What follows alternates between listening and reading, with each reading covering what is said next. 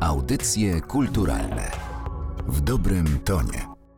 Tej pierwszej nocy pełnej niepewności powstańcy odczuwali, że Warszawa stoi za nimi, wspiera ich, że cała ludność bierze odwet za zbrodnie hitlerowców, za więzienia i obozy koncentracyjne, łapanki i egzekucje uliczne. Już pierwsze strzały uwolniły miasto od zmory gestapo. Na ulicach panował podniosły nastrój. I chociaż nie wszystkie środki niemieckiego oporu zostały zdobyte, choć moment zaskoczenia nie udał się i liczne ataki powstańców zostały krwawo odparte, sukcesy pierwszego i drugiego dnia powstania umocniły wiarę w zwycięstwo. Jesteśmy wolni. Będziemy bronić wolności do końca.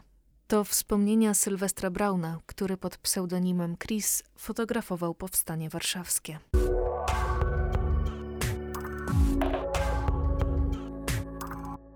Przy mikrofonie Martyna Matwiejuk. Witam Państwa bardzo serdecznie w kolejnym odcinku Audycji Kulturalnych. Dziś moim i Państwa gościem jest pan Piotr Głogowski, specjalista do spraw ikonografii Muzeum Warszawy oraz kurator projektu, o którym porozmawiamy w dzisiejszej audycji. Witam Pana bardzo serdecznie. Dzień dobry Państwu.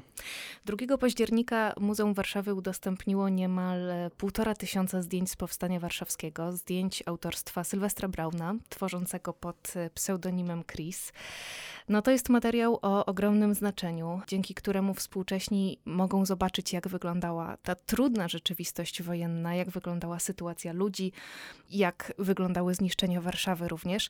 Sam Sylwester Brown nie był szkolony na fotoreportera wojennego, ale zdaje się, że dokumentacja powstania warszawskiego to nie było jego pierwsze zderzenie z dokumentowaniem fotograficznym wojny, prawda? Dokładnie. Sylwester Brown we wrześniu 1939 roku dostał od prezydenta Starzyńskiego jako urzędnik ratusza, dostał odprawę i za tą odprawę kupił aparat małoobrazkowy Leica Standard ruszył na miasto i zaczął wykonywać zdjęcia, zdjęcia ruin, zdjęcia zniszczeń miasta po oblężeniu wrześniowym. Te fotografie, które on wykonywał w mieście, odbijał później w domowym laboratorium i próbował sprzedawać te fotografie po całym mieście, kolportował je i było duże zainteresowanie, duże zapotrzebowanie. Ludzie mieli poczucie, że to jest jakieś ważne doświadczenie, mówię tutaj oczywiście o wrześniu 1939 roku, które trzeba jakoś upamiętnić, uhonorować i w związku z tym chętnie, chętnie te fotografie nabywali. A jeszcze oczywiście te okupacyjne realia nie były na tyle surowe, że na przykład zakazywano, że był jakiś zakaz, który by regulował te sprawy. Oczywiście fotografowie się poruszali na terenie miasta bardzo dyskretnie, bo były jakieś obawy, że być może zostaną aresztowani. Taki współpracownik Brauna, Jan Ryś, też fotograf, został aresztowany w 1941 roku i zamęczony na Pawiaku, więc to było też takie ostrzeżenie później dla Brauna. On w 1940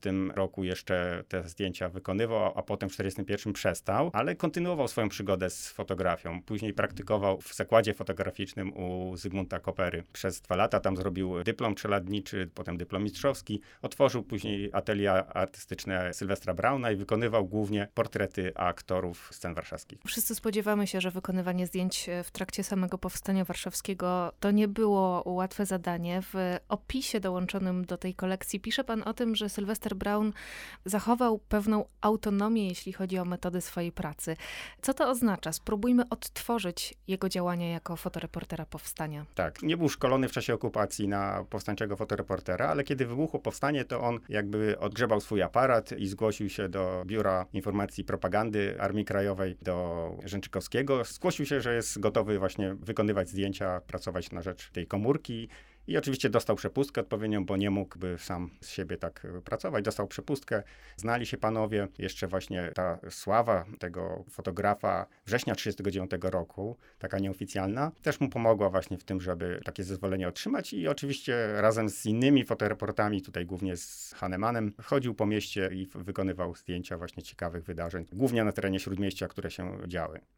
Ja się zastanawiam, jak wyglądała jego praca od zaplecza. Mam tutaj na myśli wywoływanie filmów, tworzenie odbitek no, w skrajnie trudnych jednak warunkach powstania warszawskiego. Czy Chris zostawił nam jakieś wiadomości o tej stronie technicznej jego pracy? Tak. Y, on jakby zgłaszając się do Biura Informacji i Propagandy powiedział, że oczywiście będzie przekazywał, ale odbitki, tak, że nie chce przekazywać negatywów, ponieważ ci powstańczy fotoreporterzy wykonywali zdjęcia, potem materiał nienaświetlony przekazywali do specjalnego laboratorium i tam to się działo poza ich wiedzą i jakby umiejętnościami. Natomiast Sylwester Brown sobie zastrzegł, że on sam będzie wszystko wykonywał. W mieszkaniu przy Kopernika 28 w kamienicy miał mieszkanie i tam w, w tym mieszkaniu miał swój zakład taki, gdzie wywoływał te zdjęcia, gdzie specjalnie obrabiał e, filmy miał taki zwyczaj, że dwukrotnie naświetlał negatywy, o tym wspomina, dwukrotnie naświetlał, a potem odpowiednio je wyływał, używając pewnych środków, które korygowały to. To miało na celu wyciągnięcie pewnych szarości, to już są takie detale bardzo techniczne, wyciągnięcie pewnych szarości, pewnych cieni z tych fotografii. One, jak na dzisiaj patrzymy, to są niebywałej jakości. Mimo, tak. że to filmy, materiał przedwojenny, mówię tu o negatywach, to wyglądają tak naprawdę, no jakby naprawdę były zrobione wczoraj praktycznie. Mhm.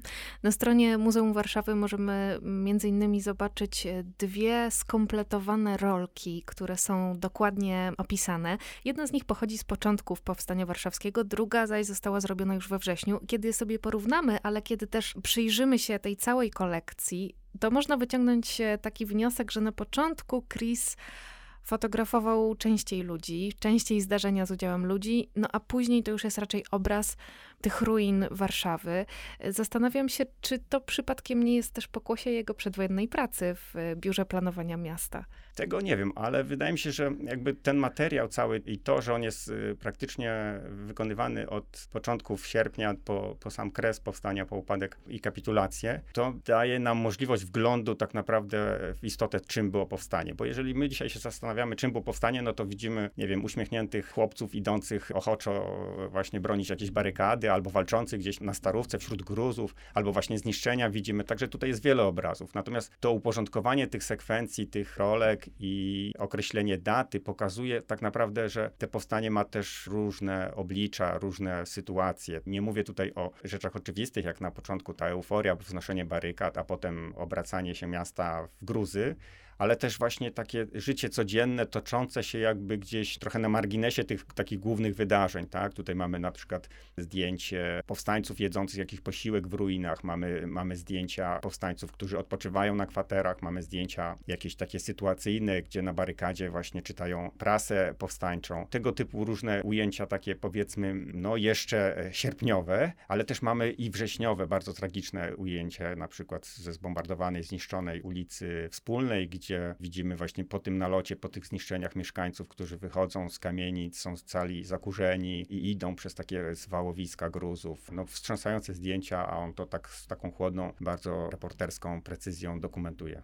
A jak wyglądała Pana praca jako muzealnika nad y, opracowaniem tych materiałów, nad uporządkowaniem tych wszystkich powycinanych fragmentów y, w jedną całość? No to była duża praca, mimo że ten zbiór już przez te 40 lat od przekazania go do muzeum e, był częściowo opracowywany i wykorzystywany przy wystawach, przy, przy różnego rodzaju publikacjach to jednak wykorzystywano głównie kilkaset takich najciekawszych, najbardziej ikonicznych zdjęć do różnego rodzaju publikacji, a cała reszta była nieopracowana. No, często te ujęcia się powtarzały, były wykonywane seryjnie, w związku z czym to była pewna łatwość, ale było dużo takich klatek, które no, gdzieś tam sobie na marginesie w szufladzie czy na tej półce muzealnej tkwiły i jakby nikt do nich się nigdy nie, nie dobierał, nikt ich nie próbował opisać i trzeba było tą pracę wykonać. Przyznam się, że całe opracowanie zajęło rok. To była mozolna praca klatka po klatce, żeby ją właśnie opisać i dokładnie podać miejsce. I udało się to w niemalże 99%, to znaczy chyba są 4 czy 5 klatek, które nie udało mi się zidentyfikować dokładnie, co to jest za miejsce i jaki rejon Warszawy, chociażby w przybliżeniu. To są bardzo trudne klatki. Dwie z nich prezentujemy na naszej stronie muzealnej, na profilu facebookowym i jeśli ktoś ma ochotę, można, zachęcam do takiej pracy detektywa, poszukać, spróbować odpowiedzieć na pytanie, gdzie wykonano to zdjęcie.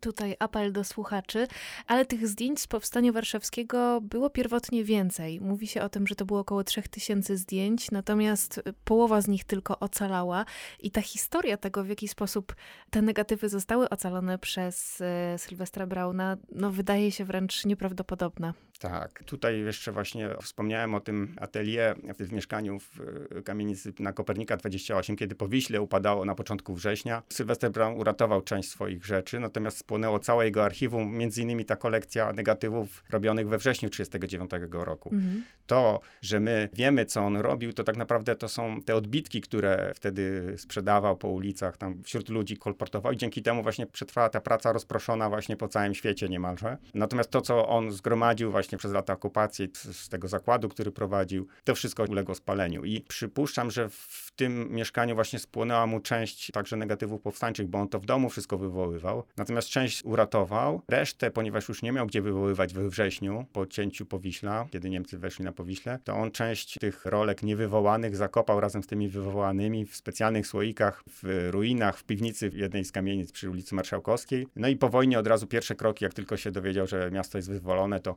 do tej kamienicy ruszył i opisywał, wspominał, że właśnie cały był taki zdenerwowany, czy ta kamienica będzie istniała, czy te negatywy tam będą zakopane, ale na szczęście wszystko to przetrwało i mimo, że kamienica była zniszczona i ledwo się do tej piwnicy dostał, to udało mu się to odkopać. I mówił, że to była mniej więcej połowa z tego, co wykonał i chyba trzeba mu wierzyć. To jest nieprawdopodobna historia. Wspomniał Pan o tym, że wiele zdjęć z tej kolekcji możemy już chyba dzisiaj uznać za takie ikoniczne.